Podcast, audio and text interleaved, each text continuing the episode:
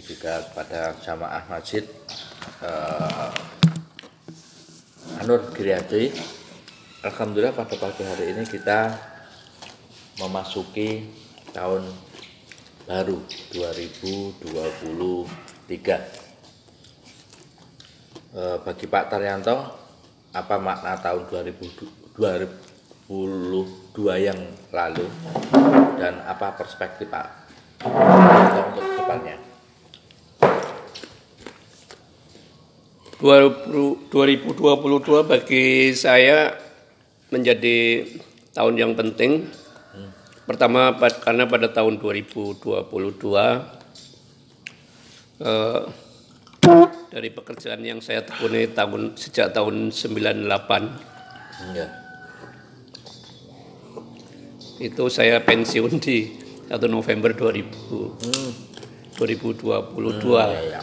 Jadi tapi kemudian se- setelah pensiun diberi karunia Allah untuk mendapat kontrak pekerjaan baru di Jakarta.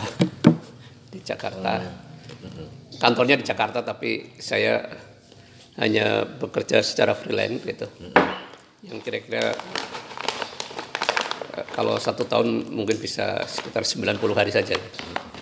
dalam hal spiritual Secara spiritual eh, saya itu kan ada dua sholat yang selalu saya kejar ya. Saya kejar sholat subuh dan sholat asar. maksudnya kejar untuk berjamaah atau Iya, mengejar untuk berjamaah dan dan alhamdulillah itu bisa dilakukan meskipun dengan perjuangan yang berat.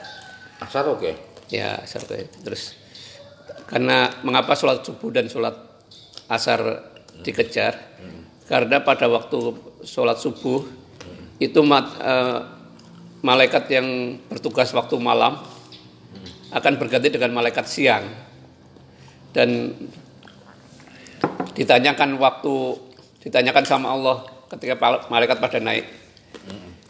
Dalam keadaan seperti sedang apa hambaku saat engkau tinggalkan itu. Nah kalau jawabannya sedang berada di soft sholat atau sedang berada di majelis taklim atau sedang bersilaturahmi itu kan bagus-bagus itu. Begitu juga saat sholat subuh. Ya, secara spiritual yang eh, saya lakukan dalam satu tahun 2022 saya tidak tidur setelah subuh. Oh ya sampai matahari terbit alhamdulillah. Dan itu memberikan energi yang eh, sangat terasa hingga hari ini. Oke. itu itu Pak. Coba. Dan secara keluarga tahun 2022 ini anak-anak sudah selesai kuliah semua dan sudah mendapatkan pekerjaan masing-masing se- sendiri gitu ya. Itu Pak Joko. Ya kalau lebih eh, ada mungkin momen yang spesial ya spesial sekali dan menjadi momen penting untuk 2022 ini. Yang spesial sekali saya bisa pilih anak lanang oh ya. di balik papan dengan biaya gratis. Kok bisa begitu karena ada yang membiayai. Jadi karena kebetulan perjalanannya ke sana, kebetulan anak-anak di balik papan sehingga kemudian oh dalam dua bulan saya bisa ketemu dua kali. Sementara untuk ibunya kangen pengen ketemu anaknya kan sangat susah. Itu dan momen yang sangat penting di tahun 2022 saya naik pesawat 48 kali Pak Joko. oh 48 terbangan. Dengan penuh resiko dan ketika ketika di pesawat itu Iya. 48 tentunya tentunya eh, kekhawatiran kecemasan kegalauan itu tetap ada ya ya tetap ada kita kemudian kita pasrahkan kepada Allah dan kepada para kru yang sudah terlatih ya. oh begitu Ya. Oh, ya. ya sambil menunggu Pak Margono Saya enggak usah. menghasilkan tahunya Nah, ini aja menikmati. ya, terus untuk anu Pak tanya. Ya. Eh, tentunya di tahun 2023 ini ada resolusi-resolusi yang penjenengan akan eh, apa ya akan targetkan di sini. Yang pertama saya itu kok sampai hari ini masih meyakini bahwa semua nabi itu menjadi penggembala ya Pak Jawa. Ya, menggembalakan ternak dan eh, saya ingin punya kandang yang lebih baik di tahun 2023 karena kandang yang saya bangun kandang tahun 2017 yang sudah mulai dengan kayu ya. Ya, ya. dan bambu sehingga sudah mulai beberapa mulai harus diperbaiki. Jadi kandang yang lebih baik. Dan yang kedua tahun 2023 saya berharap punya passive income yang yang artinya dengan upaya yang tidak terlalu besar tapi pendapatan jadi meskipun pensiun tetap tetap berpendapatan kira-kira begitu Pak Joko. Terus kemudian yang ketiga eh, eh, seperti pengalaman Pak Margono eh, saya ingin bisa mengunjungi dan merawat ibu saya tahun 2023 yang telah 20 tahun lebih saya tidak bisa intensif merawat sekarang ibu saya sudah umur hampir 80 tahun itu Pak Joko. Oh, gitu. Iya. Tentunya di anak di keluarga juga punya target-target tertentu juga ya. Apakah menikahkan, apakah juga eh, mendorong untuk putra putrinya untuk ada peluang yang lebih baik begitu. Harapannya gimana? Apakah tetap nyaman seperti sekarang? Kalau di eh, keluarga, saya berharap ya anak-anak mulai mengambil keputusan untuk untuk kapan akan menikah lah. Hmm, ya, ya. Yaitu tahun ini ya. Maksudnya kapan akan baru bertanya kapan apa, kap- kapan mau menikah tapi persoalan prosesnya mungkin masih tahap tapi sudah sudah kita sudah ada keputusan dan di keluarga eh, resolusi penting rencana eh, ingin punya rumah agak dekat bandara tapi masih punya eh, seperti Pak Margono punya kebun gitu Oh, gitu. punya kebun sehingga masih memungkinkan terbang sana kemari tapi juga melihat kebun gitu, gitu Pak Jo. sangat luar biasa Pak Margono. Ini bisa dicontoh Pak Margono. Kira-kira yang menyerupai Pak Margono apa ini?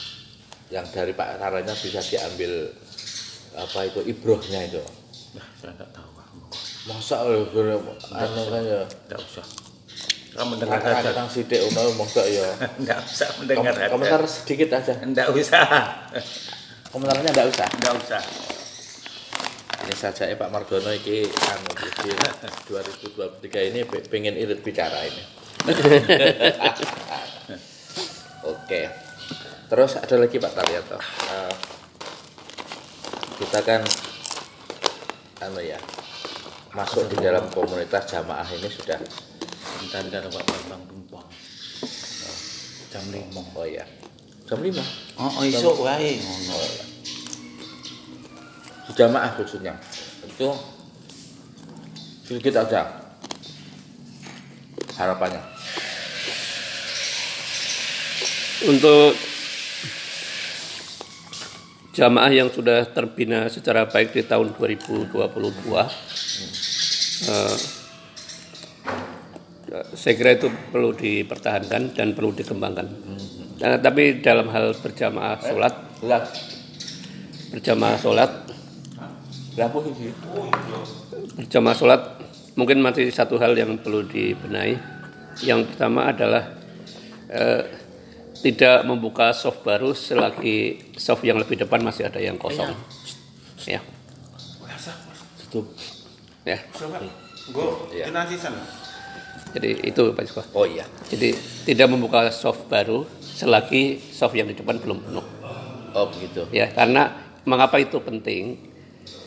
Jadi rahmat dan keberkahan orang sholat itu pada kerapian dan kerapatan soft sampai tertutup gitu ya. Nah, ketika kemudian dibuka soft baru, tapi soft yang lama belum tertutup, itu artinya ada keterputusan berkah dan rah- dan eh, rahmat dan berkah bagi jamaah yang eh, membuka soft baru tapi yang itu itu jadi itu. Oh, ya. itu itu kecil tapi ya itu yang penting itu. yang tidak tidak banyak di apa ya, diperhatikan oleh para jamaah kita. Nah itu yang pertanyaan kedua, saya kira beberapa kajian yang sudah mulai dikembangkan baik setelah maghrib pada malam Jumat maupun pada minggu kliwon dan juga event ibu-ibu dan anak-anak. Hal yang perlu ditingkatkan kalau bisa adalah eh, teks atau buku yang dikaji itu juga dimiliki oleh jamaah. Hmm. sehingga jamaah bisa turut menyimak gitu ya. Hmm. tidak hanya menjadi pendengar atau mustami eh, tapi juga bisa turut terlibat ya. Terlibat dalam teks yang dikaji itu sehingga kemudian ketika menggali maknanya menjadi lebih baik. Nah, itu yang kedua. Yang ketiga eh, yang saya kira penting justru adalah bagaimana menjadikan masjid sebagai eh, pusat solusi dari persoalan-persoalan umat di komunitas Giri Asri. Ya, itu artinya eh, pembangunan masjid yang mencapai ratusan juta dengan fisik yang megah ini, menurut saya megah, kuat dan megah.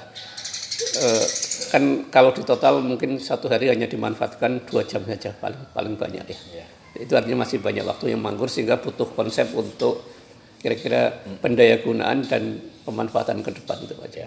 Saya kira itu aja. Oke.